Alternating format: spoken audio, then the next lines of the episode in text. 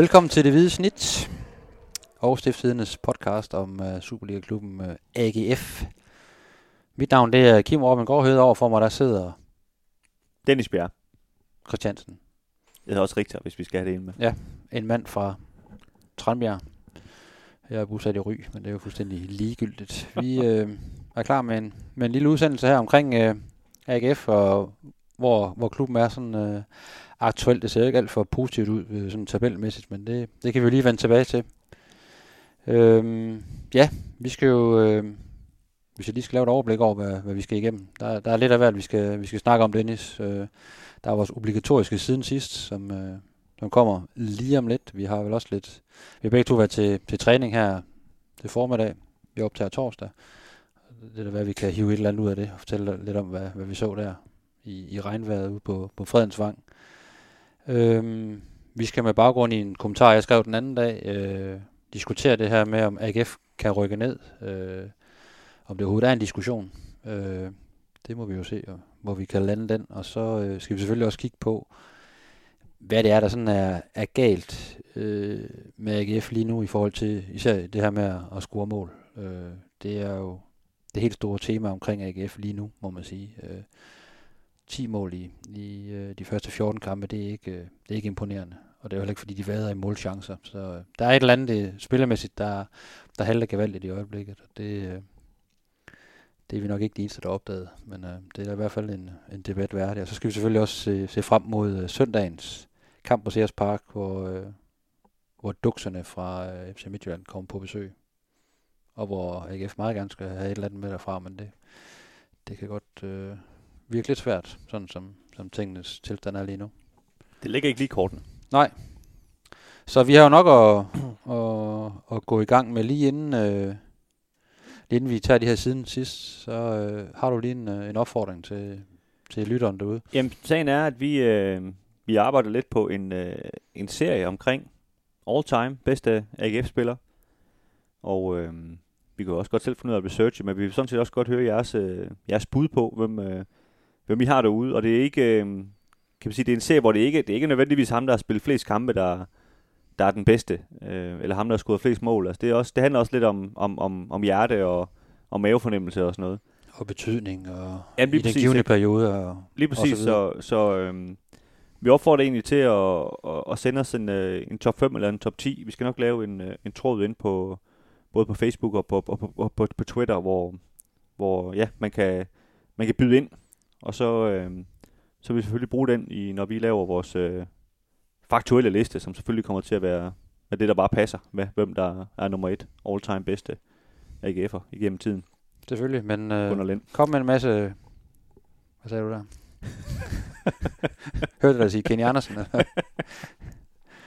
Men øh, kom med en masse gode bud, og så, øh, så, samler vi, så samler vi op på det og tager det med i en, i en, øh, en pulje, når vi skal ind og brainstorme på det på et tidspunkt. Det, det vil vi være meget taknemmelige for i hvert fald.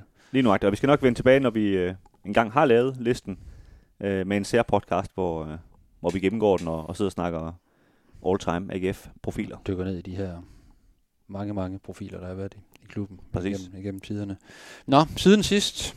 Øh, Dennis, du får lov til at, at Ja. lægge, lægge for land. Jamen, jeg, jeg, øh, jeg hopper lidt uden for, for grøntsværen. Det er jo sikkert mange, der, der synes er, er dejligt, sådan som, som det går derinde. Øh, vi har skrevet en del om, om øh, kan man sige, AGF's øh, anden geschæft, som kan man sige, udover at, at spille fodbold, så har de jo også en geschæft med at drive øh, atleterne. Det her område, som, øh, som øh, ja, AGF, hvor, hvor, hvor, AGF de spiller, altså stadion, og så de her haller, der ligger ved siden af.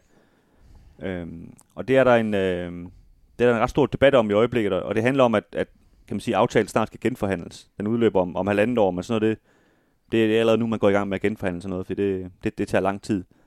Og der er øh, ja, stort set alle, alle de andre klubber, som, som er ude i området, de, øh, de ønsker faktisk ikke, at AGF de skal, de skal fortsætte, og det, det gør det selvfølgelig lidt svært, kan man sige, for kommunen, øh, som jo sidst bestemmer det, og, og bare sådan, kan man sige, helt automatisk pege på AGF og sige, I kører det selvfølgelig bare videre, så vi har gjort indtil nu, så, så, så man kan sige, det, det, er, en, det er en meget kompliceret og, og nuanceret sag, som, som vi efterhånden har skrevet rigtig mange artikler om, men, men det er egentlig bare lige for at i talesæt, at ligesom, det ligesom kører, og det, øh, det er et spil, der egentlig er, er ret vigtigt for AGF, tror jeg, fordi det er jo en, det er jo en del af deres, deres forretning, kan man sige, at, at have at drive det her område, så, så det har ret stor betydning for AGF, tror jeg, hvis, øh, hvis kommunen ligesom vælger at sige, at de ikke, øh, de ikke ser dem som, som fremtidig drift der. Øh, der, der er nogle gange nogen, når, når jeg har skrevet lidt om det her, som bliver lidt forvirret over, om, om AGF så ikke skal drive stadion i fremtiden, også det nye stadion er ved at blive bygget, men, men så vidt jeg kan forstå, så, så er det kun på tale, at AGF skal drive stadion. Altså det er nærmest en, en, en sikkerhed. Der er ikke andre, der kommer til at drive stadion, men det handler mere om alle de andre haller, øh, som, som er i området, om, om hvem der skal drive dem i, i fremtiden, om det er kommunen, eller om det er håndboldklubberne, eller, ja, eller med AGF, eller en, en helt fjerde part. Så, øh, så ja, det var, det var sådan et indspark fra udenfor for, for kridtdrejerne. Men det er i hvert fald interessant ja, at se, hvor, hvor det hele det, det lander på. Ja, det, det har ret stor betydning for, for AGF. På et tidspunkt, ja. Der er, der er jo lidt, lidt penge involveret i det, kan man sige. Lige præcis. Jamen, øh, jeg tager fat i noget helt øh, aktuelt. Vi har jo været, som jeg sagde før, til, til træning her til formiddag på, på Fredensvang, og der snakker jeg lidt med, med Anthony Di Alberto, den her belgisk-kongolesiske højreback, der kom til i, i sommer, midt i, midt i juli måned, kommer til fra, fra portugisisk fodbold. Øhm, og har jo ikke, øh, det har lyttet af den her podcast jo nok også øh, bemærket, har jo ikke øh, ligefrem imponeret os, øh, og nok heller ikke øh, så mange andre med, med de præstationer. Men han, han er kommet efter, det synes jeg her, den, den seneste, de seneste uger har er startet ind de, de seneste tre Superliga-kampe mod, mod OB, mod Randers og, og mod OB, som de spillede 0-0 med i, i mandags. Og han rent faktisk, synes jeg, spiller hans bedste kamp i, i AGF-trøjen indtil videre. Øh, og jeg snakkede lidt med ham, han var faktisk øh, meget, meget ærlig omkring, øh, og sagde også, at han har været virkelig, virkelig dårlig øh, i starten af sæsonen. Øh, man blev ligesom øh, altså mødt op på Fredensvang der midt i juli i utrolig dårlig fysisk forfatning. Havde et kæmpe efterslæb, øh, men blev ligesom kastet ud i nogle kampe ret tidligt, øh, før han var ankommet. Øh, fordi det simpelthen bare var nødvendigt. Øh, og der så han virkelig, virkelig skidt ud. Jeg kan især huske den, den kamp mod Viborg, hvor han blev pillet ud i pausen, tror jeg. Ja, han, der spillede han Jongkøb højre fløj. Ja, og, der lige, og det, det, kunne han slet ikke, øh, det kunne hans krop slet ikke øh, håndtere, eller hans hoved. Og efter det, der har han ligesom fået en, en øh, efter eget ønske, men også selvfølgelig efter at have snakket med, med trænerstaben, fået en, ikke en pause, fordi han har stadigvæk været med i truppen og på bænken og blevet, blevet skiftet ind i en del kampe og sådan noget, men ligesom fået, fået tid til at bygge formen op. Fået, øh, fået en preseason, eller hvad man skal sige. Ja, og ligesom øh, fået den tillid, at øh, nu, nu, øh, nu træner jeg rigtig hårdt, så, så, skal, så skal I bare se løjer, når, når jeg er tilbage. Og det er ligesom det, det de seneste kampe er, er resultatet af, at han, øh, han er tilbage på, han siger selv, at han er på 100 procent rent fysisk nu, og det der så mangler, det er ligesom den her tilvænning til at spille i Superligaen kontra at komme fra den portugisiske liga, fordi han, han siger også til mig, at der er kæmpe forskel på taktisk og fysisk, og jamen, på alle parametre. Så det skal han lige bruge nogle kampe til at vende sig til, men så er han ret sikker på, at så, øh, så bliver det også rigtig godt. Og jeg, jeg taler også med, med David Nielsen også, selv siger, at han synes, at pilen den peger virkelig i den rigtige retning for det Alberto lige nu. Så var vi jo meget sådan pessimistiske omkring hans niveau, og så, så var der så en, en rigtig, rigtig god forklaring, kan man sige. Øh, og det jo så vise sig om, øh, ja, hvad potentialet er der er der til. Men, øh, Om det hjælper bare at komme i god form, eller ja, men, der også er noget fodboldmæssigt. Men i hvert fald øh, en spiller, der, der er på vej, men også er meget sådan... Øh, øh, meget ærlig omkring, øh, hvor han har været, og at han, han slet ikke har præsteret godt nok i AGF, og det har de irriteret ham voldsomt, men øh, nu, er han, nu er han ligesom ovenpå igen. Så det synes jeg lige, det skulle, det skulle med. Øh, så interessant at se her de, de, de sidste tre kampe inden, inden vinter, hvor meget han kan, han kan, han kan banke igennem øh, i de kampe, de svære kampe, der venter. Det må man sige. Øh, ja, hvis vi lige sådan skal vende øh, ud for træningsbanen. Ja. Øh, jeg ser nogle gange øh, nogen på Twitter og så videre, der, der skriver om, øh, om AGF de hoved, øh, de hovedtræner. Det, det synes jeg ikke, de kan se i kampene, men øh, det kan vi så bekræfte. Det gjorde de i dag i hvert fald. Vi så det øh, i dag, ja. Det er så, I dag er jo så den eneste gang, vi får lov til at se det den her uge faktisk, så, så vi kan jo ikke... Øh, vi kan jo ikke vide, at, at de gør det andre gange, men de træner i hvert fald i dag. En forholdsvis kort træning, men ja. øh, i hvert fald for, for nogle af spillerne, der var de offensive folk, de blev ude på banen og, øh, og havde skudtræning i ret lang tid faktisk. Og der var nogle enkelte, der havde noget, noget ekstra øh, løbeprogram, blandt andet øh, de Alberto, der løb sammen med en 3-4 andre spillere. Øh, ellers så, så gik resten ind efter en lille time eller sådan noget, tror jeg det var. Ja, og, og man kan sige, øh, måske mest interessant, så, øh, så trænede Michael Andersen med. Han, han flød jo ellers banen sådan lidt halvskadet øh, i mandags. Øh, til gengæld så var Erik Karl øh, ikke med. Han flød også banen øh, halvskadet med, med, med noget med låret. Øhm, og så kan man jo selv drage nogle konklusioner ud fra det. Det er selvfølgelig alt for tidligt at sige, om, om de spiller mod Midtjylland, men øh, selvfølgelig tyder det jo på, at, at Andersen han gør, når han, når han træner, men, men, men Karl er jo nok øh, mere usikkert. Jeg synes, der er Andersen så fin ud øh, på træningsbanen. Altså, det, det virkede jo til, at det var et tilbageslag i forhold til, til hans knæ, øh, da han måtte udgå mod, mod OB, men øh, øh, løb der fint med og var med i spillet og sådan noget øh, i dag til træningen. Så det, det, det ser ud til, at han er kommet sig øh, hurtigt. Ja, lige præcis. Og, og, og man kan sige, at nogle gange, de der fodboldspillere, de er faktisk også ret nemme at læse deres humør. Det, det er faktisk øh, nogle gange lidt skræmmende, når man, når man taler med dem, eller lige siger hej til dem, om man kan læse, om, om det går godt eller dårligt. Og det, øh, der var, han, han var glad og frejdig, da han øh, forlod banen og, og hilste pænt på alle og sådan noget. Det, det tyder også på, at, at knæet har det fint. Ellers så går de nogle gange lidt og surmule, hvis, øh, hvis det ikke lige kører, enten om de ikke får nok spilletid, eller, ja. eller bentøj, det, det piver. Og så tror jeg, at fansen er glad for at høre, at der var lidt ekstra skudtræning til, til de offensive folk, for det, som vi også finder tilbage til, så er det, så er det jo et aktuelt problem. At, det kan man øh, godt gøre sig video over i hvert fald, ja, at ja, der, der er brug for det. At der, der ikke sker så meget op i, i den offensive ende af, af banen. Men øh, ja, vi kommer tilbage til debatten, men det, måske skal de også øve sig at få bolden op til angriberne, så det er også et af, af problemerne. Vi vender, vi vender vogn til år. Så er det. Stærkt. Det tør du godt sige. Ja. 100. 100. Mm. Det gør vi. Sådan er det. Også for alle legenderne skyld. Godt, Kim. Vi skal til at, at lave en lille snak ud fra en, øh, vi kalder det en bagkant. Det er sådan en artikel, vi altid skriver efter AGF's kampe. Og der, øh, der skrev du med, med den lidt provokerende overskrift, øh, kan AGF rykke ud? Og det, øh, du starter sådan set med at konkludere, det er ret hurtigt, at øh, det kan de altså ikke. Men jeg synes alligevel, øh, at det kunne vi jo godt øh, debattere lidt, også fordi at øh, jeg måske godt vil udfordre din, øh, din øh, ja, kold høne, at det kan de altså ikke. Øh, fordi øh, man kan sige, det går jo ikke så godt i hvert fald, rent øh, pointmæssigt eller scoringsmæssigt for AGF, som, som vi har talt om, og så, øh, så er det jo en risiko i sport, at hvis man øh, bliver ved med ikke at vinde, så ja, kan man jo ligge sidst lige pludselig. Ja, ja, men, vi, øh, vi men har set det før også med, at de har rykket ned, selvom der har været ret langt ned til, til nedrykning. Ja, det, er, ikke? det er jo nemlig det. Så. så jeg er også godt klar over sådan rent teoretisk og matematisk verden kan det jo sagtens lade sig gøre, men ja, med min, øh, mit argument er ligesom, at der er to hold lige nu, der, der har så store problemer nede i bunden af rækken, øh, både i forhold til det spillemæssige og især i Sønderjyske på, på de indre linjer med trænerfyringer, og, og hvad ved jeg, Vejle har jo også været igennem en trænerfyring, at, øh, at der er meget, meget langt op øh, for dem til, til, til en redning, sådan øh, umiddelbart. Øh. Så før de ligesom får vendt skuden, så, øh, så skulle AGF gerne være, være endnu længere væk, ja, trods altså, alt. Øhm, man kan sige, hvis jeg sådan skal udfordre det der lidt, at altså, ser du mere AGF er, er all clear på grund af modstanderne, eller på grund af sig selv? Jamen, altså både og. Altså, fordi Vejle har øh, nærmest ikke nogen point i, i bunden. De har, de har 11 point op til, til AGF. Vi, vi kan lige opridse det, hvis vi lige skal ja. hjælpe lytterne også, som måske ikke lige har tabellen. Altså Vejle ligger sidst med 5 point. Sønderjyske de ligger næst sidst med 9 point. Og så ligger AGF op på 8. pladsen med 16 point. Ja, så de har 11 point mere end, øh, end Vejle. Det er, det er allerede ret mange point, kan man sige. Ikke? Og så er der syv ned til, til, til, til Sønderjyske. Og ja, øh, en del af argumentationen går på, at, øh, at Vejle, altså, de har vundet en kamp i den her sæson, og, og slider rigtig, rigtig meget med det. Øh, og umiddelbart har det jo ikke haft en helt vild indvirkning, at, at Peter Sørensen har taget over.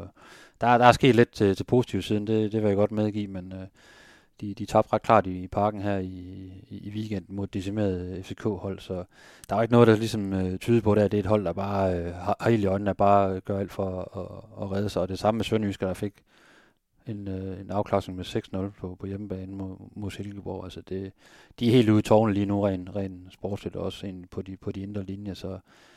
Undtagen lige, når de spiller i Aarhus. Ja, ja, så var der den her pokalkamp, men det trækker vi lige ud af det her, fordi det, øh, der er jo ikke noget, noget tabel i det, men, øh, men jeg ser to klubber, der, der lige nu er, er, de, er de klart dårligste i, i Superligaen. Det har man ikke sagt, at alt bare er, er super duper i AGF, men selvom AGF ikke har spillet nogen særlig prangende sæson, så har de trods alt øh, samlet 16 point sammen allerede nu, og, og der bør være potentiale til øh, at få en, en del flere point. Øh, en del af min argumentation går også på, at sådan rent defensivt er der egentlig mange gode ting øh, i AGF-holdet, der, der fungerer, synes jeg. De har også spillet til, til 0 i, i 6 af 14 kampe. Øh, og det skal ligesom være basen for ligesom at, at få endnu flere point. Og, og den base ser jeg ikke øh, i hverken Vejle eller, eller, eller Sønderjyske. Og så øh, kan man så få bygget på, at man begynder at score nogle mål. Så øh, ligger der jo endnu flere point, så det er jo egentlig vildt nok, at man, på trods af at man kun har scoret 10 mål i de første 14 kampe, at man trods alt har, har samlet øh, 16 point sammen. Så ud fra de, de ting, der, der synes jeg, at det synes jeg ikke engang, det er for tidligt at konkludere, at, øh, at man er så, så langt fra, fra de to nederste, at, øh, at det bør ikke blive noget tema. Det, det bør det heller ikke, hvis du ser på trupperne. Det er sådan en helt anden snak. Hvis du bare kigger helt nøgternt på trupperne, så skal, øh, så skal der godt nok øh, gå meget galt. Og jeg ved godt, det er farligt at sige i en AGF-kontekst, men nogle gange der er det jo også, så skal man også lige øh, stikke lidt ud og provokere lidt for at skabe noget debat, og det, ved, jeg, det kan fansene også godt lide. Ja, det er jo det. Altså, jeg må indrømme, jeg er ikke helt så selvsikker, som, som du er. Selvfølgelig øh, har jeg ikke været ned og på, at AGF rykker ud, og det, jeg tror heller ikke, de gør det, men, men jeg synes, vi har set før det her med, kan man sige, der har været hold, som man tænker, de er helt væk. Altså, det bedste eksempel er selvfølgelig Randers for, var det i 2010-sæsonen, ikke, som, som, som var helt væk, og, og AGF øh, lå langt foran dem, og man tænkte, de kan selvfølgelig aldrig hente. Og så lige pludselig så, så rammer de et eller andet, det her Randers hold efter en vinterpause, hvor, hvor det bare kører for dem, og de får noget selvtillid. Og AGF rammer den, kan man sige, den modsatte stime, ikke? Og, og, og den historie kender alle alt for godt. Og, og på den måde, det kan jeg sådan set sagtens se igen, fordi både Sønderjysk og Vejle er, er jo nogen med nogle udlandske ejere, der har nogle store ambitioner, så, så jeg går ud fra, at de, de køber nogle spillere i, i vinter, de har også begge to, øh, altså Sønderjysk er ved at ansætte en ny træner, og Vejle har lige ansat øh, Peter Sørensen, som jeg trods alt må, må give, selvom han var, har også været en del af en nedrykning i AGF, så, så er det en mand, der trods alt, han kender Superligaen og kan godt finde ud af at sætte et, et fodboldhold sammen. Ikke? Så han, når han får en vinterpause, så går jeg, jeg formoder, at Vejle har, har, er et bedre sted, kan man sige, når, når, når den starter til vinter. Ikke? De er så rigtig langt op til AGF, som du siger. Det er selvfølgelig mere realistisk, at, øh, at Sønderjyske henter AGF. Øhm, og, og, og, og samtidig kan man sige, så aller værst, synes jeg for AGF, det er, at altså, jeg synes, de har spillet dårligt hele sæsonen for at se det lige ud. Altså, de, jamen, altså, man kan sige, for at provokere lidt, så hvornår har AGF egentlig sidst spillet en, en god fodboldkamp? Altså, det, Men det er jo netop også det, der er en del af min argumentation, at de har jo ikke ramt noget i den her, øh, ja, det, det kan den man her tage... sæson, og alligevel så er de så 11 point foran Vejle. Det siger så lidt om, hvor, hvor dårlig Vejle har været og er. Ikke? Og de har 7 point mere end et sønderjyske hold, der, der jo kun har scoret 8 mål den her sæson. Altså, de, kan, de kan slet ikke lave mål. AGF ja. har virkelig problemer, men uh, Sønderjyske har haft endnu større problemer med at, at lave mål. Og kan du se på Sønderjyske hold, hvor det skal komme fra? Det, det, det kan jeg ikke. Så er der selvfølgelig mulighed for, at de kan hente et eller andet i, i, øh, i januarvinduet, men allerede der kan det jo så være for sent ikke? Med, med, med de kampe, der, der venter nu. Altså, så, øh, Altså- jamen, og, det, og, det, det, og jeg, jeg kan sagtens se, hvad du siger, at, men altså, og, og vi er jo ude i, at der skal ske et eller andet, hvor man tænker, hvor fanden kom det fra? Ellers så sker det jo selvfølgelig ikke, vel? Øhm, men, men jeg synes, når man, når man kigger på AGF, man kan jo bruge det til både altså, positivt og negativt, det her med, jamen AGF har spillet dårligt indtil nu, så hvad kan det ikke blive til, hvis de begynder at spille godt? Og man kan jo også, kan man sige, se med de lidt mere triste briller og sige, at AGF har bare spillet dårligt, og det bliver de også ved med at gøre, så, så den kommer ikke i gang. Det er jo, det er jo kan man sige, det er ja eller nej hatten, ikke? Og det, hvis, hvis de har toppet i den her sæson, så, så medgiver jeg, så, øh, så, øh, så kan de godt rykke ned. Øh, og det, jeg resonerer ligesom, at øh, det har de bestemt ikke. Det håber jeg virkelig ikke med, med de trods alt mange dygtige spillere, der er i truppen, og de penge, der er lagt i, i den her trup hen over, hen over sommeren. Øh, hvis de ikke kan, kan præstere på et højere niveau, end det, de har gjort indtil videre, bare over en 3-4-5 kampe på et tidspunkt, vil jo være nok til at, at sikre, at man ikke øh, rykker ned øh, så er der et eller andet helt galt. Og så har vi en helt anden snak. Altså, så er der et eller andet, der slet ikke øh, fungerer internt i AGF. Men øh, får du en Patrick Mortensen i gang, for du, vi ved, at han kan lave mål. Begynder man at, at finde ham, får man Bundu sat endnu, endnu bedre op, ikke? får man øh, Rob Jon ind i hovedet, at, øh, lad nu være med at tage 19 driblinger, inden du, du sparker den ind over. Øh, for det hjælper ikke en Patrick Mortensen, der står og stepper frem og tilbage, hvornår, for, hvornår får jeg bolden. Ikke? Og får du, øh, får du forløst et eller andet på den der midtbane med de to otter, der, der lige nu render rundt og ikke aner, hvor de, hvor de skal gøre sig selv. Der er, så meget, der er så mange muligheder for, at det kan blive bedre øh, offensivt for AGF. Og lige nu er defensiven faktisk ganske solid. De har bare problemer i, i perioder, fordi at der, ikke, der ikke er nogen trussel offensivt. Man får AGF en trussel offensivt, så vil det også kunne, kunne præge modstanderen til, at, at så bliver i, i gode øjne endnu nemmere at forsvare eget mål for AGF-forsvaret, ikke? Plus at, fordi de andre skal pludselig forholde sig til, hvad AGF kommer med, og det skal de altså bare ikke lige nu. Øh, og på den baggrund er det egentlig ganske imponerende den måde, øh, bagkæden præsterer på, synes jeg. Ja, og man kan selvfølgelig også sige, at det her argument, som, som jeg brugte med Vejle og Sønderjyske med de har vinterpausen, det, det har AGF jo også.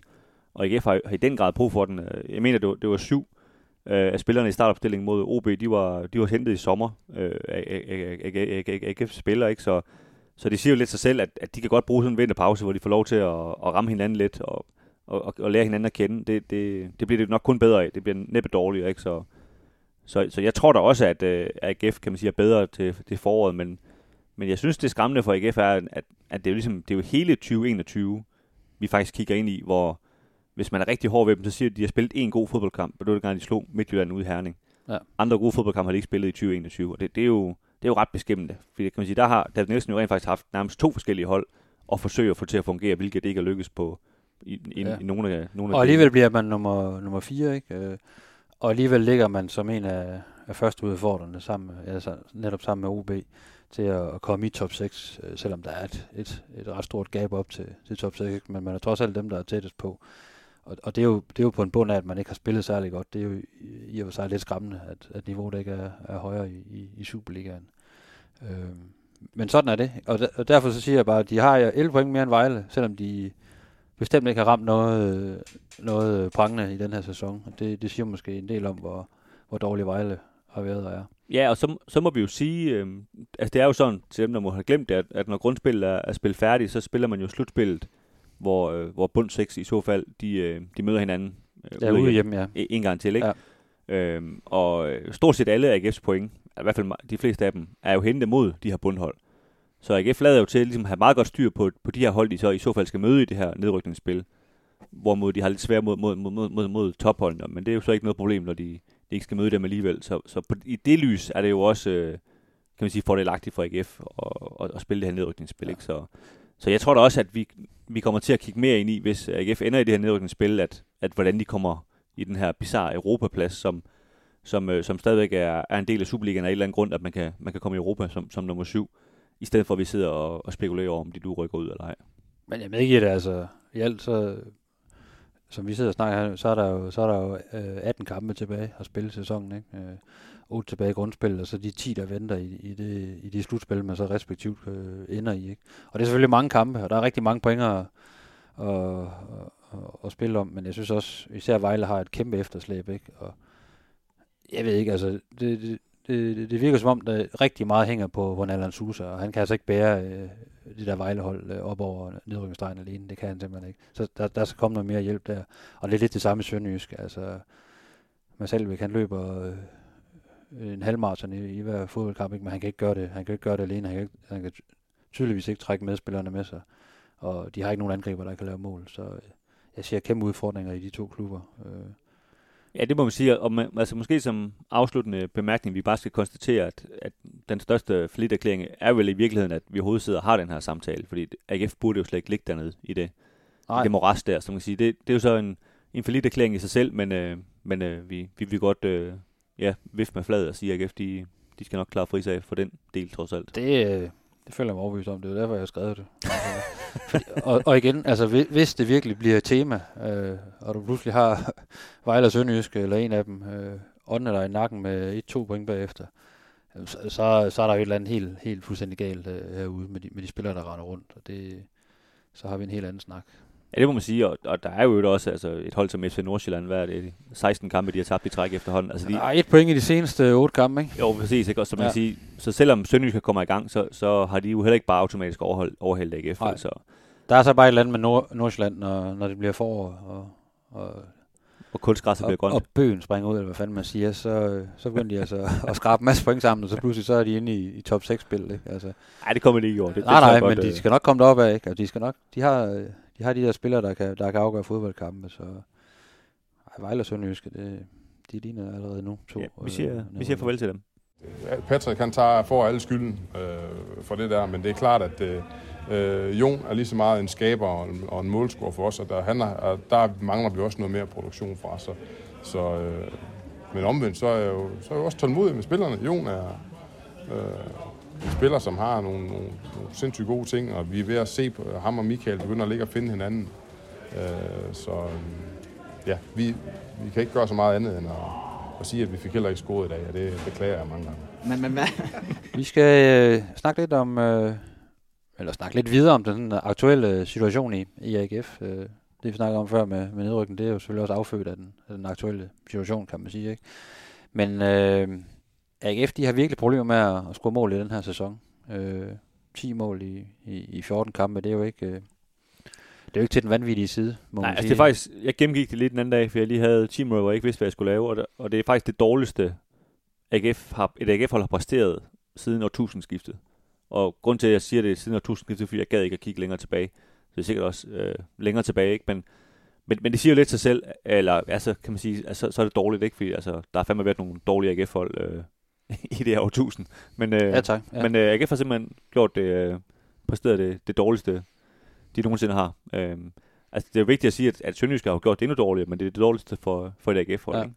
Og det er egentlig, når man ser på de spillere, der er i, i, i truppen, så, øh, så er det egentlig svært at forstå. Også hvis man ligesom har de, de seneste par sæsoner øh, i en mente, hvor der har været perioder, hvor AGF nærmest har været rundt i åbne chancer og, var notorisk kendte for at kunne skabe chancer ud af ingenting. Øh, I, I seneste efterår var det jo det mest scorende hold i Superligaen. Ja, øh, så kan man så sige, at hele det her kalenderår har, har det haltet noget. Øh, men man har trods alt en, en Patrick Mortensen, der, der, har, der har vist, at han, han godt ved, hvor, øh, hvor målet det står. Ikke? Man har en, man har en Bundu, man har en, øh, en Thorstensen, som også godt kan finde på at lave mål. Man har en Andersen, øh, som jo startede som lyn og torden i, i, Brandhoff er faktisk også rimelig målfarlig. Brandhoff havde en rigtig god sæson for et par sæsoner siden i, i Viborg, hvor han, øh, hvor han lavede rigtig mange mål også.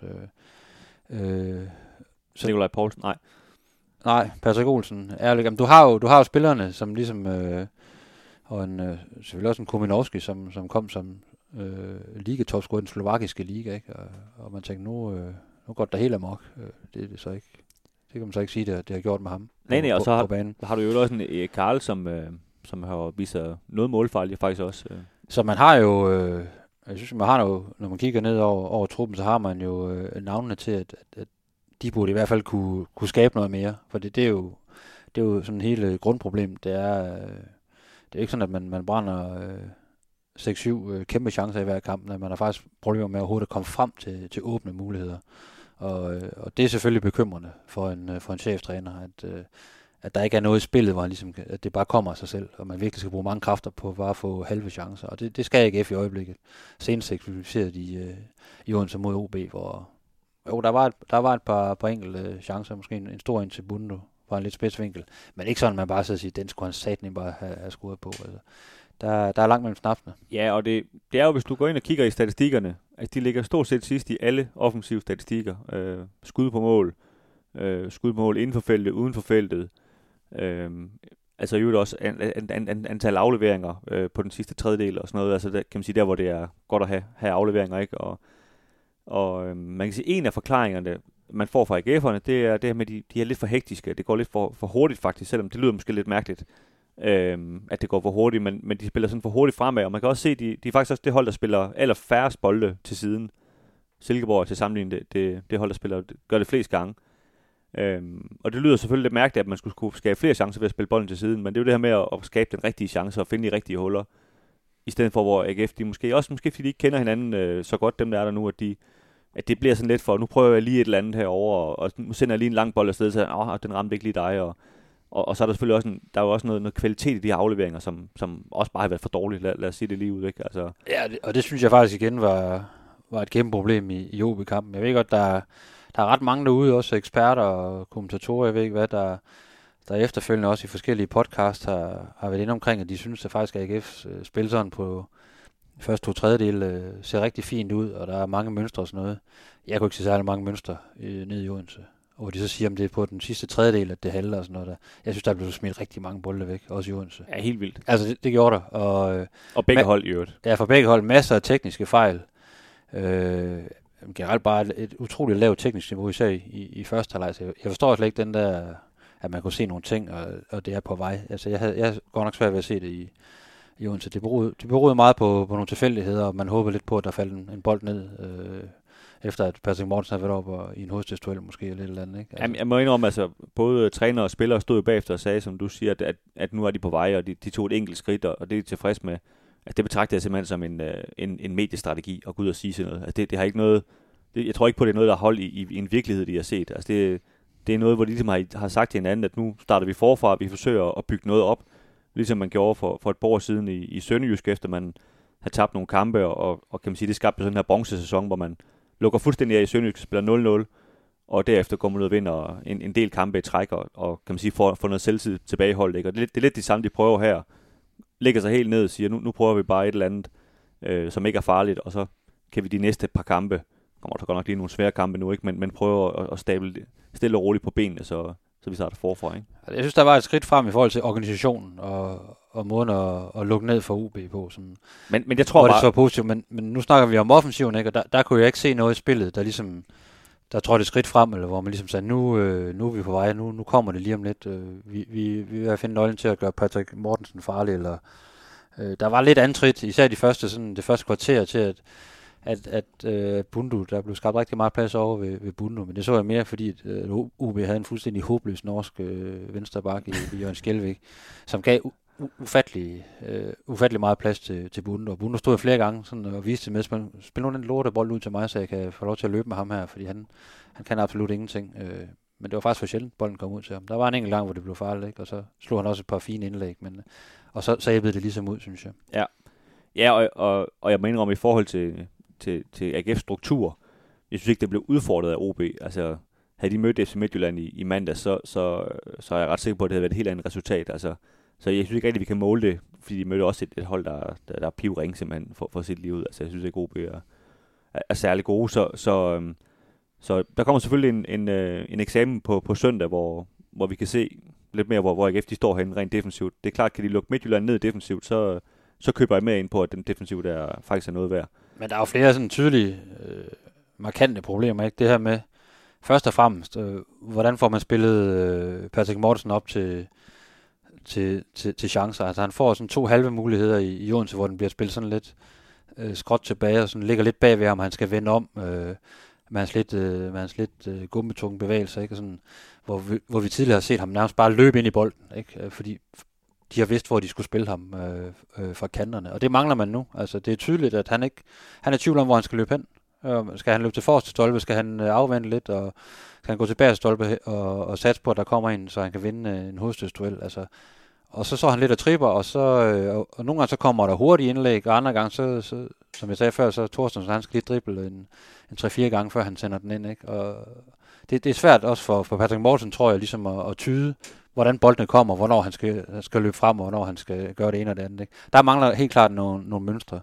Og så synes jeg jo, at, at, de to otter i, i for lang tid kommer med alt, øh, er kommet med alt for lidt rent offensivt. Øh, igen i, i Odense synes jeg, Brandhoff løber og løber, men man løber ikke rigtig nogen vejen alligevel, og, og øh, Michael Andersen ramte heller ikke sit, sit niveau i, i, i Odense. Og der var simpelthen for, der kom alt for lidt inden fra midten af, og så, så bliver det hen over en kamp, så bliver det også fornemt at læse for modstanderen, at det er Bunde, der skal have bolden, og han skal slå den øh, hårdt ind over, eller også er det Thorsensen, der skal drive lidt frem og tilbage. Og det, de, de er nødt til at finde, finde på nogle løsninger og nogle, nogle andre rum, som de her spillere kan finde for, og, og så gå mere direkte på mål, tænker jeg. Altså. Jamen, jeg synes, du har, du har ret, og man, man hører nogle gange sige, ligesom, at øh, så, så må Kuminovski få chancen, når Patrick Morgensen ikke øh, leverer varen, men, men jeg synes jo også, det forsøg så vi jo også i, i de første øh, kampe i sæsonen, hvor, hvor Morgensen var skadet, og, og det fungerede jo mildt sagt heller ikke. Øh, så det er jo ikke fordi, der bare, kan man sige, hele hemmeligheden bare er at sætte ham ind, tror jeg.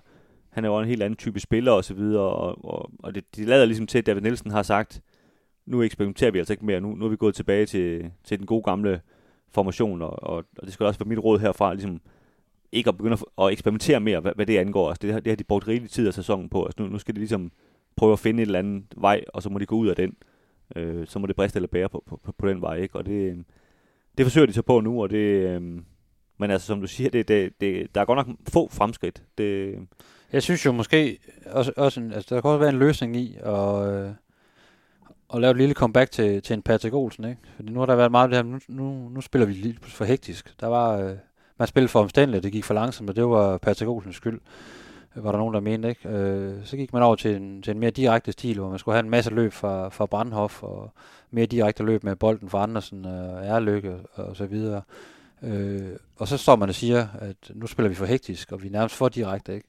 Øh, så skal man måske prøve at have en, en spiller ind, der en gang lige kan træde på bolden, og det, det kunne godt være en Patrick Olsen, så selvfølgelig skal han også have lært af, af det, han har været igennem, at, øh, at han så heller ikke skal stå og jogge for meget i den, men øh, han godt må træde på den, og så sætte tempo derefter. Ikke? Altså, ja, han har trods alt spil intellektet til at, at kunne sætte nogle ting op og, og slå de rigtige afleveringer, hvis han, hvis han får tilliden også, hvis han finder de rigtige rum som, som motor. Det kunne jeg altså godt se, en, øh, at, at det kunne skabe lidt... Øh, øh, fordi der er ingen tvivl om, at der er potentiale til at få, få AGF først knækket koden og få de hul på bylden, så, så, så tror jeg også, det kommer, kommer til at køre. Vi har tidligere set med Patrick Mortensen, når først han rammer noget, så, så begynder han at, at lave rigtig mange mål. Øh, og, og Bunde har jo tidligere vist, at han, er, han kan være en enmands her i, i Superligaen, Ja, hvis og han bliver sat rigtigt op. Ikke? jeg synes jo, det, he- det helt store spørgsmål er jo Patrick Mortensen. Øhm, spørgsmålet er så todelt, kan man sige. Altså, hvordan får de ham sat op? For jeg er helt enig i, at han, han bliver slet ikke serviceret nok. Og David Nielsen gik faktisk ud og sagde den anden dag, at, øh, at Jon Dago Thorstensson har også et ansvar i det her problem med Patrick Mortensen. Han siger, at Patrick Mortensen han får hele skylden, men, men Jon sætter ham heller ikke nok op. Og det er faktisk meget sjældent, at han, han går ud på den måde og, Ja, og det er angriber nogen direkte, men, men det gik han faktisk ud og sagde. Øhm, så man kan sige, det, det er den ene del, der skal have løst. Og så er, der, så er der den anden del, hvor man simpelthen også må, må sige, altså han har jo en, en relativt fremskreden alder, som man sige, altså har, har han den stadigvæk, Patrick Mortensen, og det øh, har han jo ikke overbevist os om endnu i hvert fald. Øh, lad os bare sige det på den måde. Øh, han har også været, været, øh, blevet opereret i knæet i, i sommer, og det er også det er ikke sikkert, at han er 100% tilbage for det, og så videre, men, men øh, man kan sige, han ser jo ikke sådan øh, adræt ud lige frem. Han ser ikke super skarp ud i sine bevægelser. Nej, det, det gør han altså ikke. Øh, det kan sagtens være, at når han får en vinterpause, han får lov til at, at løbetræne lidt og sådan noget, at det kan blive bedre, men, men, men han, han ligner ikke lige en mand, som sådan forventer på egen hånd lige i øjeblikket. Det, det synes jeg ikke, han gør, og det, øh, det er jo sådan lidt øh, for uroligende, synes jeg. Også fordi alternativerne er der ikke. Det er det. Og det er også der, hvor han spiller jo hver gang øh, fra start, fordi en Kominovski, øh, ja, øh, han kommer ind en gang imellem, men det er ikke en, øh, der starter i, i Superligaen. Sådan, sådan. Nej, det er det ikke, og, og du kan også sige, med, med, med, med Bachmanns øh, trækken tilbage, så er Mortensen jo den rigtige anfører nu også, så, så derfor gør det jo på en eller anden måde endnu mere ondt også at bænke ham og så videre, ikke? fordi han er, an, han er anføreren, og han har også ansigtet udad til, og jeg er rigtig glad for at bruge ham, kan man sige, udad til, fordi han, han, han siger jo altid det rigtige. Øh, så derfor vil det være, være sådan en stor mental ting også, og lige pludselig begynde at bænke ham. Det, det vil ikke være specielt godt. Og Amitsbøl, han er helt ude af, af loopet, så, Ja, det må man sige.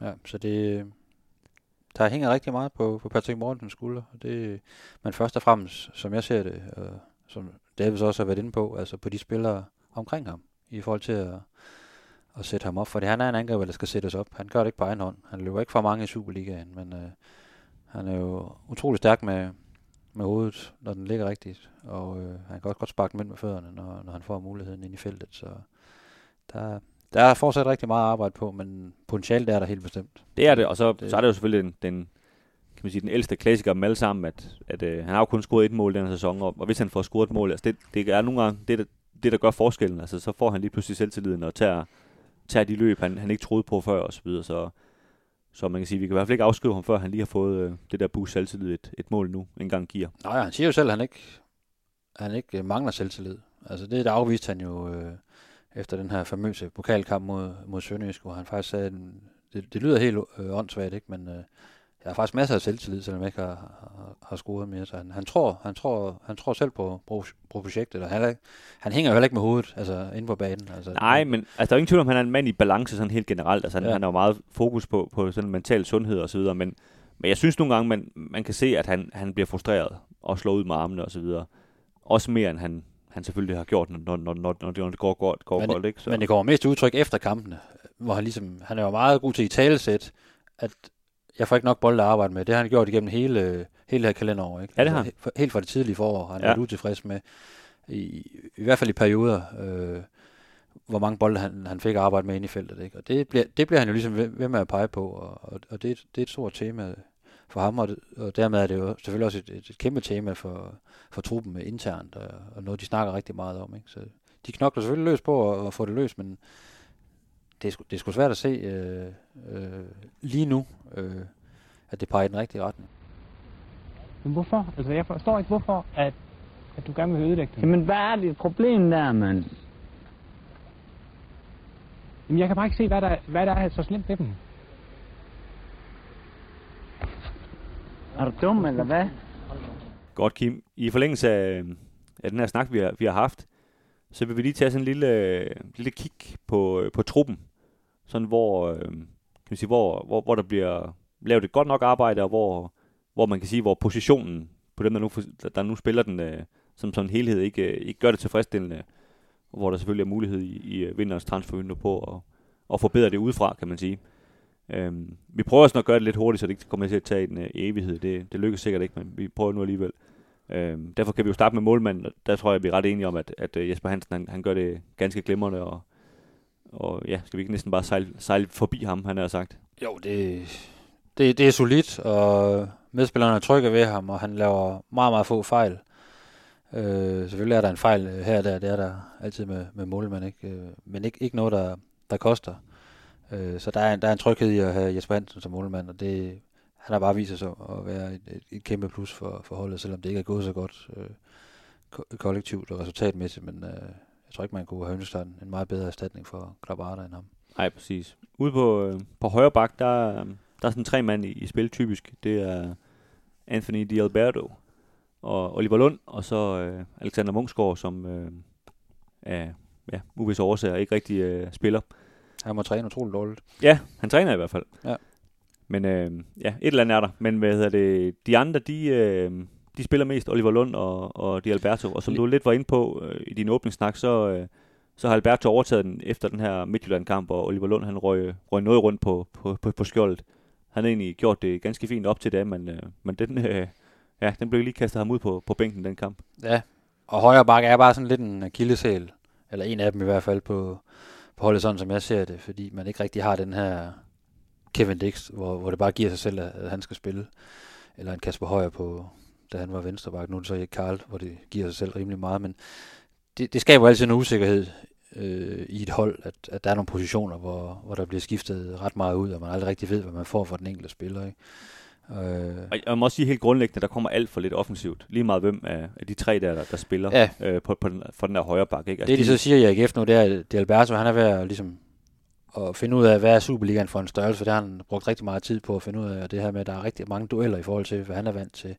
Så han skal lige finde ud af også, i forhold til at dække sin side af, øh, the Danish way, kan man sige. Ikke? Og så, øh, så er han jo faktisk en spiller, der har hentet ind til øh, først og fremmest, fordi han, øh, han er rigtig skarp øh, offensivt, eller i hvert fald har været det nede i Portugal, eller har en god afleveringsfod. Men, men jeg vil så, sige, han, han mangler stadig at bevise det, ikke? I den jo, grad. jo, præcis, ja. Men man håber, at han er ved at finde vej til, at han så også skal bygge det offensivt på sit spil. Ja. Øh, fordi det er igen noget mere ro, at, at han er kommet i form, og han øh, ligesom er begyndt at, at se, hvordan bliver der spille fodbold her i Danmark. Det er meget, meget svært ved i starten, øh, hvad jeg også var inde på tidligere. Ikke? Øh, og, der er, og så er der en Oliver Lund, som også skal bruges jo som, som gradering i venstre side, som bare er den her solide Superliga-spiller, som ved, hvad det er for en liga. Han er jo ikke i tvivl om, hvad det er for en liga. Og der er mange dueller, det er lige noget for ham, ikke? Øh, og han er, han er altid i, i, i rigtig god form. Stort set aldrig skadet, så han er jo sådan, øh, han kan sådan veksle mellem de to sider, og det er jo selvfølgelig en rigtig fin gradering at have. Øh, men, øh, men der har, det, det har været lidt tyndt på højre bak. Det, det, ja, og, det og højre bak er, altså jeg mener, jeg synes, det er et område, hvor, hvor de skal overveje at gøre noget i, i vinterpausen. Øh. Det er klart, hvis de har en, en tro på, på, på De Alberto, så, øh, så, så har de måske set et eller andet, vi, vi andre ikke helt har set endnu, men, men han har i hvert fald ikke øh, vist noget i kampen endnu, som, som har, har overbevist mig øh, synderligt. Men, øh, men det er selvfølgelig helt fair, hvis han slet ikke har været i form. Der skal han jo også have chancen for, for at spille sig i form. Ikke? Øh, hvis vi går ind i det centrale forsvar, altså Hausner og Bisek har jo, har jo primært spillet, så er der Tinger og, og Julesgaard, øh, kan man sige, der står klar. TK. Og, og også Thomas Christensen, ja. ja. Øhm, må sige, må står, står langt bag køen, må, må man sige med ham, ikke? Øhm, det er vel sådan helt grundlæggende et af de steder, de, de står allerstærkest. Altså, tænker en, en rigtig stærk uh, backup. Øh, Julesgaard også uh, for, for så vidt, ikke? Øhm, og, og jeg synes, de to andre, altså vi, vi har jo været efter Hausner nogle gange, og, og jeg synes jo stadigvæk, at han, han kunne jo koste et mål i, i overtiden i, i, i Odense den anden dag. Han laver de der blunder nogle gange, men, men, men David Nielsen kan rigtig godt lide ham, fordi han, fordi han både er hurtig, øh, så de kan presse højt, og, og han er en leder ind på banen, og, og jeg synes jo sådan grundlæggende, det er ikke, det er ikke der problem der, altså i Nej. centrale forsvar. Jeg synes den der middags med, med, med målmand, og så, øh, så de to midtstopper, og så Nikolaj Poulsen, øh, det, det, det har været det bedste, øh, de bedste i AGF i den her sæson. Altså det er så længe tvivl om, at det, de, øh, de kan godt finde ud af at spille til 0, og, øh, og afvise modstanderen rigtig godt, og Bisek er, er stærk, både langs jorden og i luften, og Hausner vinder bare stadigvæk rigtig mange dueller. Han har de der udfald en gang imellem, men han, han, øh, han vinder altså virkelig mange dueller i løbet af en, af en, af en kamp, så det, øh, det er klart, der øh, AGF styrke ligger lige nu, det er den her midterakse, hvor, hvor de er rigtig gode til at forsvare eget felt. Og, og det er selvfølgelig også det, de selv har set, og det de nu forsøger at bygge ud fra, at øh, defensivt, den, øh, den holder nul, og så, så ser man, hvad, hvad man kan bygge på øh, offensivt. Ude på, øh, på venstre bank, der har de en anden øh, young gun i Erik Kohl, og øh, som du sagde med, med Lund og princippet også Jubelsgaard som, som nogle backups, hvis han ikke kan, kan spille, men han, han sidder jo fuldstændig fast på den, og øh, man kan sige, der selvfølgelig kan det blive bedre med, med Karl, men jeg synes jo helt, helt grundlæggende, at han, øh, han gør det rigtig fint, og havde det været en, øh, en ung mand fra ens egen afdeling, der er 20 år, som har spillet på det niveau, så havde alle jo været helt oppe at ringe. Nu er der lidt større forventninger til ham, fordi han har købt for, for over 10 millioner kroner, ikke? og man tænker, så skal du også ud og levere varerne, Marker, men, men det er klart, han, han bliver kun mange penge ved, ved, ved, ved at spille, og det, øh, sådan er fodbold også. Det er også business, hvor, hvor han skal, kan man sige, skal, skal fedes op, så han kan sælges, og det, det synes jeg øh, sagtens, man kan forsvare på det niveau, han leverer, det, det, det er et ganske fint niveau. Ja, han er lige fyldt 20, ikke? Og kommer ind, så kommer han så lidt anderledes end Di Alberto. Han kommer fra den svenske liga, hvor der også er, er mange dueller, så, så det har været lidt nemmere for ham på, på, på det parameter ligesom at, at træde ind, men stadigvæk en ung mand, og stadigvæk komme til, til et andet land, øh, en anden liga, og så der synes jeg, han er imponeret faktisk. Øh, der er stadigvæk niveau op til Kasper Højer, det er der, det er der slet ingen tvivl om, øh, men der er, der er potentiale til, at han kan blive lige så god, som, som Kasper Højer var, øh, da han var allerbedst for, for AGF, det er slet ingen tvivl om. Men man kan sige, ligesom, øh, han har jo en lidt anden stil end Kasper Højer, han er lidt bedre dribler og så videre, lidt mere øh, finurlig. Øh, men ligesom over i højre siden, altså, jeg synes jo, at AGF savner de her indlægs fra baksene, som, som Patrick Mortensen ja. også øh, øh, ja, nød så godt af, øh, da han scorede mange mål. Og, og kan man sige, på den måde må Karl jo også tage, tage en del af ansvaret, men, men der kan også være et helt andet taktisk oplæg til ham og så videre, som, som er for, for nuanceret at, at, at gå ind i, i forhold til den opgave, han, han har fået udstukket af, af, af trænerstaben. Med. Jeg talte, øh, lige den sidste bemærkning, jeg talte også med, med David Nielsen omkring netop det her med, med den manglende kreativitet i, i holdet, og sagde han, det er jo, det er jo ikke kun de allerforreste. Øh, vi skal også have noget mere fra vores backs. Øh, apropos også øh, De Alberto, øh, hvor han ligesom sagde, at det forventede han, der kom fra De Alberto, men det skulle også komme fra, fra den anden side selvfølgelig.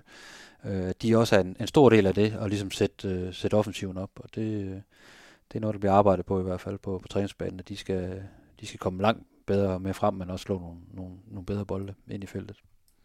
Øh, inde på den defensive midt, der sidder Nikolaj Poulsen jo meget tungt på det. Øh, Patrick Olsen, øh, Zach Duncan kan, kan agere backup, når han har karantæne, sådan en gang hver, hver, hver femte runde.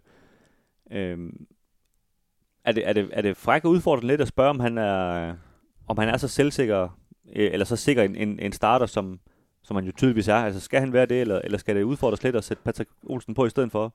Nej, jeg kan ikke se, øh, der er nogen, der når ham til, til sokkerholderen på, på den position. Altså, Patrick Olsen har vikarieret nogle gange og, og, og, og gjort det fint, men øh, han, han kommer stadigvæk i vejen for rigtig, rigtig meget, lukker utrolig mange huller, og det er ikke altid, man ser det, når man ser sådan en fodboldkamp, men han, han betyder vanvittigt meget flere AGF-hold, øh, både når det går godt, men også når det går mindre, mindre godt, og han er jo, han er jo som han er inde på banen, men han er også en, der, der har noget energi, som, som driver de andre med, trods alt. Ikke? Og han er en af dem, der skal gå forrest nu i de her kommende rigtig svære kampe, hvor, hvor det bliver knofedt og, og spidse albuer, der skal gøre arbejde for AGF. Øh, det er slet ikke tvivl om. Så han sidder, han sidder tungt på den position, og jeg synes også, han løser de opgaver, han skal. Altså. Ja, og, så, og man kan jo mene, hvad man ved om, om den stil, AGF har, hvor, hvor der skal kan sige, der skal gås til den i taklingerne, men, men det er nogle gange den stil, de har, og det har de helt overfra. Det er også de Inge Bjørnby, der siger, at de, det er den stil, de gerne vil spille, og den stil er han jo garant for, så, så man kan sige, at han, han passer jo fuldstændig ind i, ja, ja. i måden, de, de skal spille på. Ikke? Det er jo ikke patang, det her. Det er jo, det er jo, det er jo fodbold. Altså. jo, jo. Men øh, der er jo forskellige måder at, at komme frem til, til sejrene på. Jamen, jeg så godt den anden dag, en, eller var det i går, en, en Dortmund-spiller, der blev vist ud for at gå ned i en glidende takling, hvor han knap nok rører manden. Altså, jeg, jeg, jeg kan ikke holde ud at se Jeg tror ikke, du så Champions League. Nej, men jeg så det, var det på Twitter, der var en eller anden, der, der ser man også alle mulige klip. Altså, det, det er jo blevet sådan nærmest, at hvis du går ned i en takling, så, så er du nærmest forbryder. Altså, hold nu op. Altså, man skal gå til den, eller man skal takle. Jeg kommer også fra Galten. Det er jo, Ja, vi, jeg, stillede lige sådan en boomer-spoiler, så du lige, lige nu, du gik uh, amok der. Højre kant, uh, eller skal vi lige blive i midten, for nu var vi ved Nikolaj Poulsen. De her to otter, uh, Michael Andersen, uh, Frederik Brandhoff, Patrick Olsen, Albert Grønberg Erlykke, uh, også Zach Duncan til dels uh, for ikke meget spilletid. Jeg synes overordnet, det har været skuffende, hvad, hvad der er kommet fra otte positionerne. Jeg ved godt, uh, Michael Andersen, øh, startede som lyn og torden og lavede et par vigtige mål i de første kampe, men, men set over sæsonen indtil videre, han er jo så kommet sent ind, kan man sige, men set over sæsonen, der har Patrick Olsen, han har været et tema øh, i lang tid. Han, er, han har skuffet. Øh, Erløkke har skuffet mig rigtig meget. Jeg så virkelig noget, noget, noget potentiale i ham. Jeg synes, han, han er faldet ned i... Han har kun noget perioder, men, ja, men, men, han, det, men han er faldet ned i det hul igen. Der er for lange perioder, hvor han også er helt, helt anonym. Ikke? Og Brandhoff har, har ret beset leveret en rigtig god kamp. Ikke? Øh, øh, løber rigtig meget, har, har viljen og intensiteten, men der sker ikke så meget med bolden øh, øh, med, med ham på banen. Øh. Og der skal i hvert fald øh, løsne op for nogle ressourcer rent offensivt, før han kan, han kan få en, en betydende rolle. Jeg, jeg tænker om en mand som Brandhoff, det kan godt måske blive lidt for meget, når både ham og Poulsen er på banen. Så kan man sige, at en dag du har, har Olsen nede på, på, på sekseren, der er der måske mere plads til Brandhoff, for han kan ligesom kan lave, løbe og lave løbearbejdet, som, som Poulsen ellers vil, vil have dækket ind. Ikke? Øhm, det, kan godt, det kan godt blive lidt meget. Ja. Øhm, ja. Så jeg synes, jeg synes det, er, det er nogle positioner, hvor AGF de, øh, de mangler at finde nøglen til, hvordan, øh, også, hvordan bliver de gjort mere spildominerende, de her otte, og hvordan sætter de spillet bedre op på modstandernes banehalvdel, men også selv, øh, hvordan de selv bliver målfarlige. Øh, og det, øh, Andersen har, har vist vejen, øh, men har så også været skadet øh, efterfølgende, og, og haltet lidt, ikke? Og været Jo, jo, og han- nogle kampe. Så, Og han har jo scoret nogle mål, og, og det er ikke fordi, jeg skal sidde og snakke ham helt vildt ned, men, men altså, han har også haft nogle kampe, hvor man tænker, det, det var han altså ikke, øh, han var ikke på banen i dag, eller hvad man skal sige, og det, øh, det, det har ikke kun været godt med, med ham faktisk, det har det ikke, men, men han er selvfølgelig også, han er jo helt ny i klubben stadigvæk og sådan noget, og, og er jo øjensynligt en, en rigtig god fodboldspiller, men øh, Det er ham, der skal gøre det for AGF, i Det er hvert det. fald. Øh, Det er også derfor, han har hentet Theo fra, fra Midtjylland for, for et, øh, et ganske fint beløb, må man sige. ikke. Og så skal han jo gerne trække de andre med, øh, så det bliver en enhed. Det, det er klart, men det er ham, der skal, der skal svinge med den takstok der. Det er det. ingen tvivl om. Hvis vi går ud på, øh, på højre kant, så øh, Mustafa Bundu, han sidder jo tungt på den. Øh, Gif Lingsat står og, og ånder ham øh, i sokkerholderne. Eller hvor langt, han, Knæhaserne. ja, hvor langt han nu går op. Øhm, man kan sige, øh, vi kan jo godt give ham øh, benefit of the doubt, og så sige, at, øh, at han skal lige i gang. Men altså, det har jo ikke, han har jo ikke taget Aarhus med storm i, i sit øh, comeback. Det vil være synd at sige. Men det gjorde han jo heller ikke øh, i København, da han kom til Det gjorde han nemlig FCK. ikke. Øhm, Det har trods alt været bedre her, synes jeg. Der, Jamen, det- der, der, er mere, der er mere den gamle bunde over ham i AGF, end der var på noget tidspunkt i FCK. Det var der, og, de første 20 minutter mod OB, der lignede han jo lidt sig selv igen, ikke? Øh, Jo. faldt så fuldstændig ud af kampen igen bagefter. Det kan også være, være holdkammeraternes skyld og så videre. Men øh, ja, vi, vi, vi savner stadigvæk øh, et, et, et, gear eller to for ham, ikke? Øh, Men jeg synes sådan fartmæssigt, han er ved, ved at nærme sig det, øh, vi har set tidligere i AGF, fordi det, det, det tror du nærmest overhovedet ikke i FCK, da han var der. Øh, der lignede han jo ikke en, en spiller, der kunne løbe for, for særlig mange. Det, det, jeg synes, der, der fartmæssigt, der, der er han ved at være der, og, og det er jo et godt tegn for AGF, at, øh, fordi så begynder, så begynder modstandernes baks jo virkelig at, at ryste i bukserne og, og træde skridt bagud, og når de gør det, så er han jo livsfarlig for alle forsvar. I, ja, og, og det er jo det der, der er med fodbold. Altså, hvis først han kommer op i gear, jamen, så skal de måske trække nogle flere spillere ud og, og passe på ham. Så er der mere plads til Thorstensson, så er der mere plads til Otteren, så er der mere plads til Mortensen. Så det er det der med, altså, det er jo på den måde, man hjælper hinanden i, i en holdsport, ikke? Så, Ja. så, så, så, det kræver også, at han lige kommer, kommer op og bliver en lidt større trussel, så Men han skal også, ligesom Patrick Mortensen, så skal han også sættes op øh, med den rigtige aflevering i dybden, og der er, der er afleveringspræcision stadigvæk for dårlig øh, hos AGF'erne, så der, man havde faktisk flere gode muligheder for, for nogle rigtig fine omstillinger mod OB, især i starten af kampen, men man missede simpelthen for mange gange at, at få sendt Bundu afsted. Ellers så så man ham slet ikke. det er rigtigt. Øh, venstre side, Thorstensson, øh, Han sidder jo også rimelig tungt på det. klarer den jo øh, stort set alene derovre. Ja. Øhm, selvfølgelig kan de andre kantspillere jo rykkes rundt og sådan noget, hvis der er skader og sådan ikke? men øh, en mand, som startede sæsonen ret godt faktisk, øh, kan man sige på godt og ondt, han, han skabte også en masse ballade, men, men jeg synes også, han var en, en rigtig vigtig del. Jeg synes, de seneste fem kampe eller sådan noget, der, der har han faldet noget i, i niveau, og som du også antydede tidligere, det bliver sådan lidt for meget et soloprojekt nogle gange, hvor, hvor han måske ikke helt har, har, har øje for, for, for holdets bedste og så videre. Øhm, ja, øh, en mand, jeg- som selvfølgelig har bevist sit værd, men, men, men spørgsmålet er, om, det, om, han, om han hjælper, hjælper nok lige i øjeblikket. Han har, han har jo sine momenter, ikke? Og du, altså, i min verden, der er han jo truppens mest talentfulde spiller. Og altså, hvis han får forløst sit øh, talent, så er der ikke grænser for, hvad han, øh, hvad han kan opnå. Det har han jo også vist, når han har været afsted med landshold og sådan noget. Der, der præsterer han tit rigtig, rigtig godt. Øh, en, en, en vild spiller, som, øh, som kan rigtig meget. Derfor bliver man også tit endnu mere skuffet over, når han ikke, når han ikke rammer dagen endda mod, selv mod slattende modstandere i, i Superligaen. Ikke? Altså, han skal kunne noget mere. Han skal, han skal, han skal være en af stjernerne på det her hold. Han skal lave nogle flere mål. Han skal kunne sætte nogle flere øh, modspillere i de direkte dueller. Øh, fordi han har værktøjerne til det, men han er, han er lidt for glad for at dreje rundt om sig selv og, og, og slå nogle alt for, for, for sene indlæg. Og det, det skal der altså arbejdes på. Han skal være, blive mere direkte. Og så må, der, så må man tage en fejlmarken med, fordi det er der bare med, med Thorstensen. Men når han så lykkes, så er han jo så er han jo faktisk en dygtig afslutter, når han kommer ind foran mål. Det er det, har- det. det har han vist med mange gange. Men jeg synes jo godt, det kunne være spændende at sætte Giflings over på den anden kant, og så sige til ham, at øh, han kan jo egentlig også godt lide at løbe ind i banen, men sige, nu skulle du ligesom prøve at løbe mod, mod baglinjen, og så havde man ligesom to raketter på, på hver side. Se, hvad det kunne gøre for, for AGF's spil, for det, kan man sige, Thorstensson er en, er en noget anden type end, end, end Angersen og, og, og Bundo fra, fra da AGF, de var bedst. Ikke? Øh, han vil nogle helt andre ting, og det, øh, det er ikke sikkert, det passer til den måde, de gerne vil spille på lige nu. Øh, fordi det er, altså, Thorstensson er, som han er. Du kan ikke, kommer ikke til at lave ham om, altså, så, så bliver han ikke øh, noget værd. Så, så øh, nu må vi se. Altså, hans kontrakt løber også snart ud, og det, det kan også spille ind i op i hans hoved og så videre, ikke?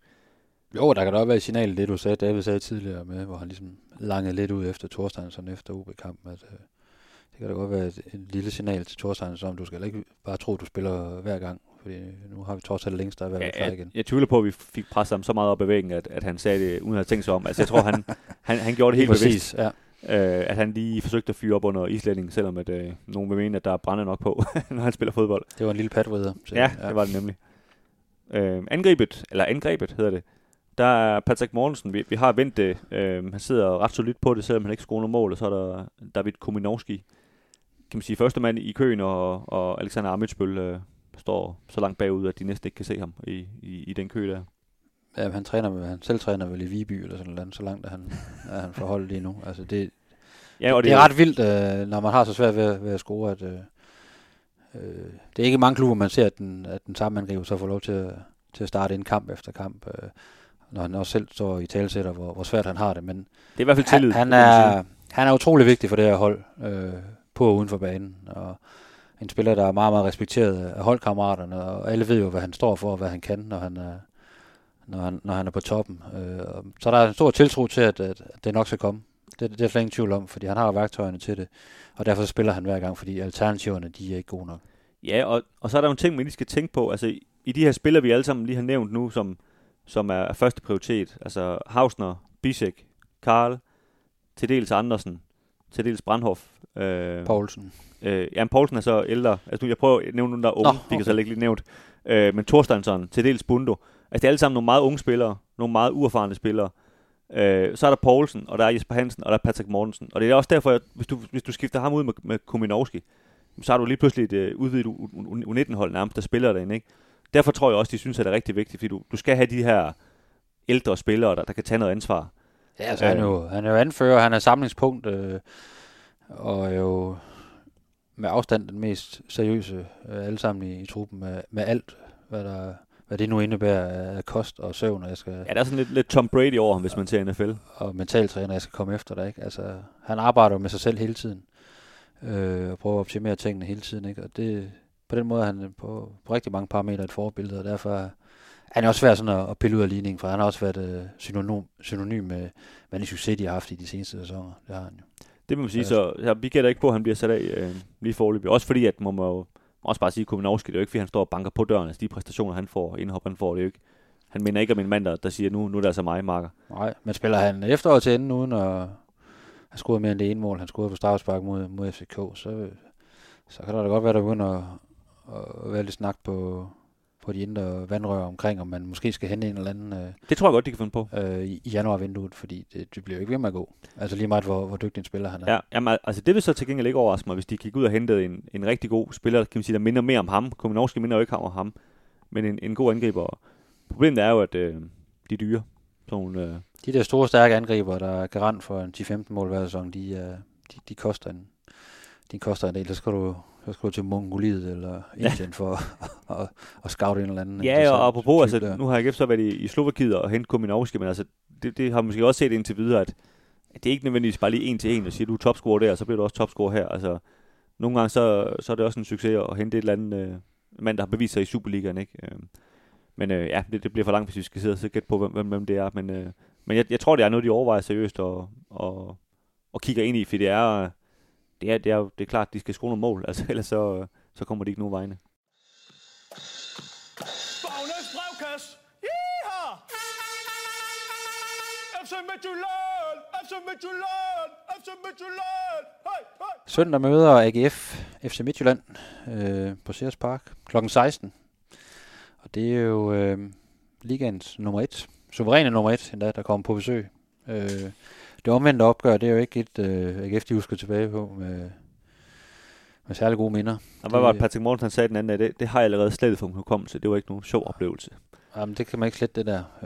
Øh, 0-4 efter en halv time. Og de tabte også kampen med, med, med 0-4. Øh, der fik de i hvert fald over fingrene, må man sige. Øh, et meget, meget effektivt øh, midtjysk øh, øh, mandskab. Øhm, de kommer så selvfølgelig, vi har allerede lige kort været inde på dem, de kommer selvfølgelig fra en europæisk kamp, de spiller i Beograd her øh, torsdag aften. Og der er selvfølgelig noget, der er en på opleveren dernede, øh, alt efter hvordan det går, det ved vi jo ikke. øh, Kan Som slag snakker. og sådan noget der. alt muligt er, men øh, også en- en på opleveren i forhold til, til kulisser og så videre. Og så er der selvfølgelig nogle, nogle rejsetimer, øh, øh, som også kan, kan sidde lidt i benene, når man lander i Danmark, måske en gang øh, fredag formiddag, eller hvornår man nu... Øh, Jo, men, men sidst, øh, det er jo ikke så lang tid siden, de spillede den kamp der, øh, hvor, hvor AGF tabte 4-0 i Herning. Der havde de været i, i Portugal. Og det sad vi også og talt om det op til, at øh, det kan faktisk godt være, at det betyder Ja. noget for Midtjylland, og det Og- gjorde det så ikke, kan vi vist godt Og vi så også i, i, i Randers, hvor Randers også havde været i en europæisk kamp, og det betyder heller ikke det store for, for Randers. Så den kan vi lige så godt bare strege. Jeg, jeg, jeg snakkede også med David Nielsen om det øh, i dag, hvor, hvor båndoptageren ligesom var slukket. Han sagde, at det er fuldstændig ligegyldigt. Fordi et, øh, de, måske er det nærmere en, en fordel for dem, fordi de kommer bare øh, har spillet en kamp i et rigtig højt tempo på europæisk niveau.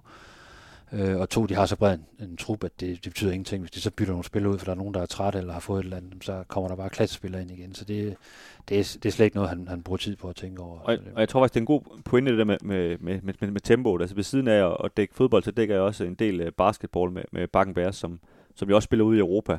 Og, øhm, og de har faktisk i den her sæson valgt at, at, at lave sådan en preseason, hvor de tog fem gange ud i Europa og spille mod nogle gode hold. Fordi de sagde, at de kan simpelthen ikke ved at spille mod de danske hold, kan de ikke komme op i det tempo, som de skal være, når de så skal møde, altså når, når de starter turneringen i, Europa. Så er de alt for langt nede i tempoet, og de skal ligesom sådan bankes op i, i, i tempo. Og det er også det, tror jeg, Randers og Midtjylland, de bliver. De spiller mod nogle rigtig gode hold og bliver banket op i tempo. Og når de sådan lige pludselig møder ikke der kommer sneglen efter nogle kampe mod Sønderjysk og sådan noget, jamen så, så ser det lige pludselig rigtig godt ud mod, øh, mod AGF. Og det, øh, det er jo så det, på søndag skal forsøge AGF at få finde ud af, hvordan de ikke kommer til at se, se så, så langsomt ud, som de gjorde, ja, gjorde senest i midt. det skal jo også bare være en fordel at spille i Europa. Altså, den der eventlige snak om, at ej, hvor er det hårdt, og så har jeg ondt i mit baglår og sådan noget, fordi jeg skulle løbe øh, i den der. Altså, det skal jo være en fordel for et hold at være oppe i tempo, og, øh, og, og være presset til at spille det hurtigere, og, og spille på et helt andet niveau. Øh, det skal man kunne lukrere på, når man, når man spiller i Superligaen i de efterfølgende kampe. Og så er der også det, der er en landskampspause lige på den anden side. Så de kan jo bund og grund bare fyre den af og bruge alle deres kræfter, hvis man kan sige det på den måde. Og så er der jo 14 dage til at restituere på den anden side, så det, det går nok det hele. Så det, man forventer, det er et top-tunet øh, FC Midtjylland hold, der kommer til Aarhus, også fordi, at øh, FCK er lidt ramt lige i øjeblikket. Det er faktisk, som jeg ser det, så er det lige nu, at, at FC Midtjylland sådan mere eller mindre kan, kan afgøre tingene i forhold til mesterskabet. Ja, de kan, de kan stikke kniven ind, det må man bare give. Altså, øh, FCK skal til, til, til Silkeborg og spille på kunstgræs. Øh, det er ikke det, det fedeste sted at spille, når, når Silkeborg er i det spilhumør, de er lige nu.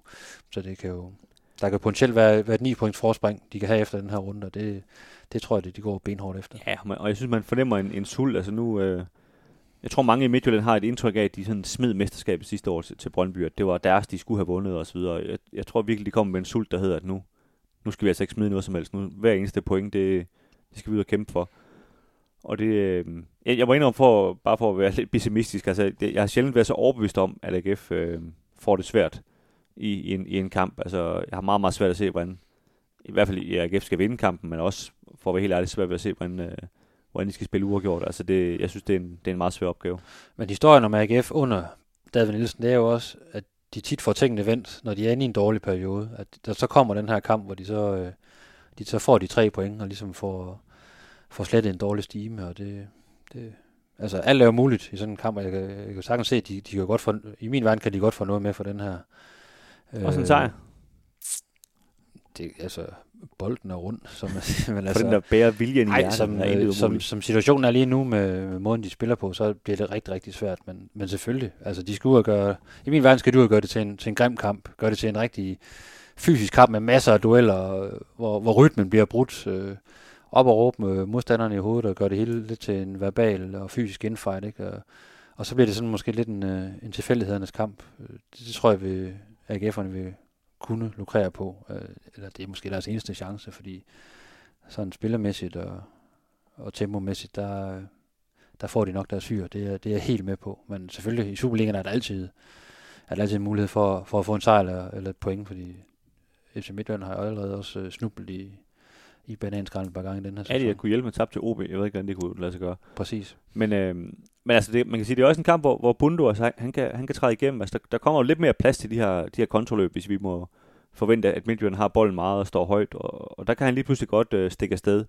Så, så på den måde, øh, kan man sige, det, jeg tror, det er en af løsningerne øh, for at få, få scoret et mål, hvis man ligefrem skal op og vinde kampen. Ikke? Øh, Men der er ingen tvivl om, altså AGF, de skal gå ud og være aggressive, og lige på grænsen til at være, være overtændt, og så skal, de, så skal de bare fyre den af, og så skal de ligesom øh, selvfølgelig håbe, at der, der, der måske kan falde et tidligt mål af, eller de kan, de kan stresse øh, de her midt, midtjyder lidt, øh, som måske er, har, har tankerne lidt mere på, på Europa, men det, det, det, det tror jeg bare ikke, de har. Altså, de, er, de er så professionelle og så skarpe, at, at selvfølgelig øh, er er de fuldstændig klar til at møde, øh, møde AGF. Men altså, der kan jo godt være sådan en ubevidst lidt, lidt undervurdering af, et AGF-hold, der ikke øh, kan finde ud af at lave mål, og man så ryger lidt ned i kadence. Men øh, det, skulle, det skulle ligne Bo Henriksen meget, meget dårligt, hvis han ligesom øh, ikke har talt sine spillere helt op over de 110 procent inden kampstart. det må man sige, ja.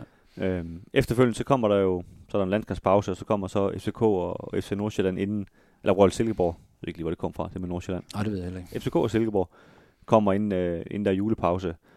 Og man kan sige, to kampe, hvor, hvor der er noget bedre mulighed. Ikke? Altså, FCK går nok i parken, men, men et hold, der har rigtig mange skader lige i øjeblikket, og har, har svært ved at få tingene til at fungere. Og, og, og Silkeborg på hjemmebane. Jeg ved godt, at Silkeborg gør det godt, men, men stadigvæk øh, kan man sige en kamp, man, man selvfølgelig skal være med i. Men det er lige for, øh, jeg ser størst mulighed ja, i, i parken, fordi at FCK, de mangler altså nogle ret markante spillere, og, øh, og stiller med, i hvert fald bænkmæssigt, øh, nogle, nogle ret unge, unge fyre. Der er også nogen, der starter ind her mod, mod Vejle. Øh, jeg er stadigvæk Jens Dage og Kevin Dix, og de kan jo score lige så mange mål som AGF på en, indtil videre i den her sæson. Så. ja, ja, så lige meget hvad, så bliver det svært i den kulisse, som, som jeg i hvert fald altid er der. Og jeg læste faktisk i øvrigt lige, at, at FCK sagde, at de har rundt øh, 20.000 øh, Ja. solgte billetter, så, så det, bliver, det bliver sådan en fed kamp og en fed kulisse i hvert fald. Der bliver fart på, ja. Øh, og det skal AGF jo bare være, være glad for, at, øh, at der kommer nogle tilskuere. Ja, Det hvad var det? Var det 2500, der var gjort plads til AGF support? Ja. Det skal de nok fylde. Altså, der Det er tror jeg. Et stort, Det er noget med halvdelen af København og AGF-fans. tror en stor flok, øh, ja, der sidder ude på, på Skibo Bodega, eller hvor fanden det er, de sidder. Inden, nok, med jøden i spidsen. Ja. Nå, jeg tror, det her det er tegn på, at vi er ved at være, være færdige med at optage, tror jeg.